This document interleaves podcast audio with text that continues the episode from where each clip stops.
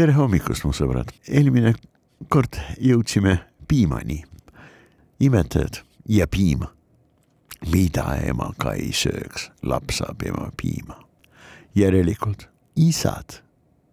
jah, on vajalikud, kuid mitte kuigivõrd, mitte kuigivõrd levinud ei ole. no vot see monogaamia, kus isane on alati peregrupis. väga haruldane on see nähtus, monogaamia, paar eluks ajaks või kasvõi sesoonne monogaamia, paar seni, kuni lapsed lähevad oma elu elama, nii-öelda pesast välja. noh, kasslast suukonnas ja seal on vähemalt nelikümmend kolm liiki.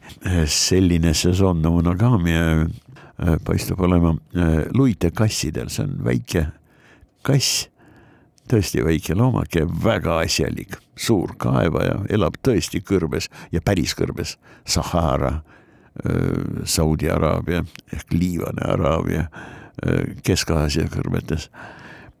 loomulikult tegutseb öösel ja no päeval ta peab olema urus. ja urud ta võtab loomulikult närilistel üle, kui saab, aga ta neid kohandab ja võib-olla kaevab isegi ise.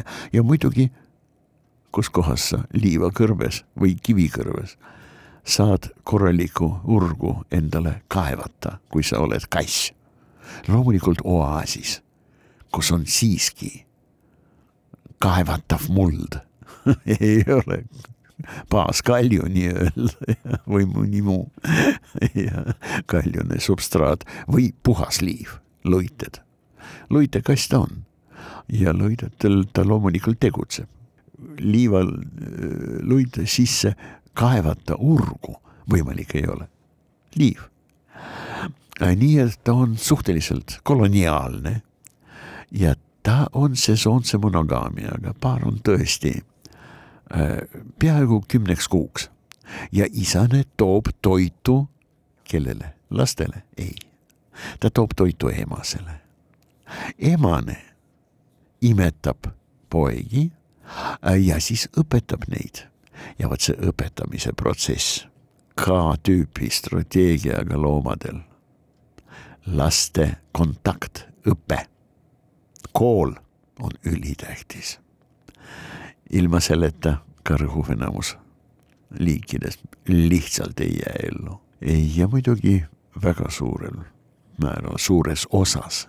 Kool õpetab noori imetajaid ja ka linde toitu hankima, otsima, valima, hankima, töötlema, eriti palju väljakutseid eriti suured väljakutsed on loomulikult kiskjatel, aga muidugi ka puuviljatoidulistel. nii et isased väga paljudel liikidel on tähtsad kui grupijuhid, kusjuures tegemist reeglina ei ole mitte mingisuguse absoluutse võimuga, mitte mingisugust autoritaarset või totalitaarset valitsemist nagu see on inimestel tihtipeale kombeks.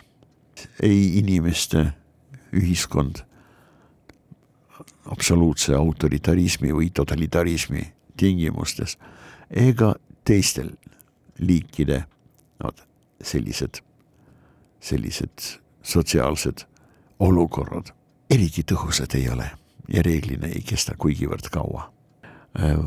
varem või hiljem ja kui vaadata nüüd evolutsiooniskaalad, siis pigem, pigem varem äh, hakkavad nad moonduma ja asenduvad, noh, ma ei tea, kas konstitutsioonilise monarhiaga, lausa demokraatiaga, no kuidas sellega on, ei oska praegu öelda ega ei hakka siin mõtisklema sel teemal, kuid igal juhul mingisuguste siiski äh, asjalike suhetega, sotsiaalsete suhetega. Ja see on veel üks väga-väga tõsine nii-öelda looduse leiutis, looduse poolt ehitatud, vaat mainitud väga suure konkurentsiprobleemi lahendamise süsteem, võte, sotsiaalsus, ühiskondlikkus, hobused. Hobused peavad sööma ikkagi väga palju. Nad söövad näpistades oma täiuslike lõikehammastega rohtaimi.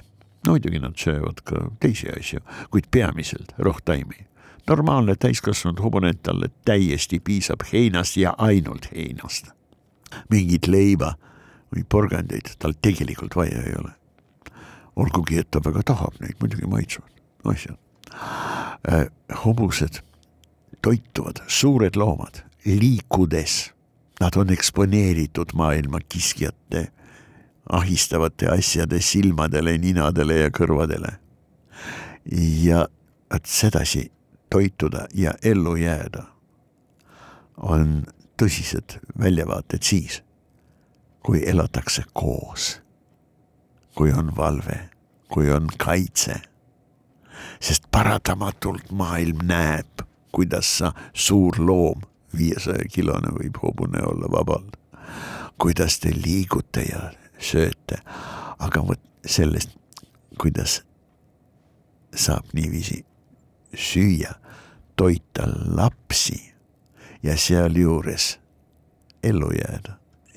ja nii, et toitu jätkuks.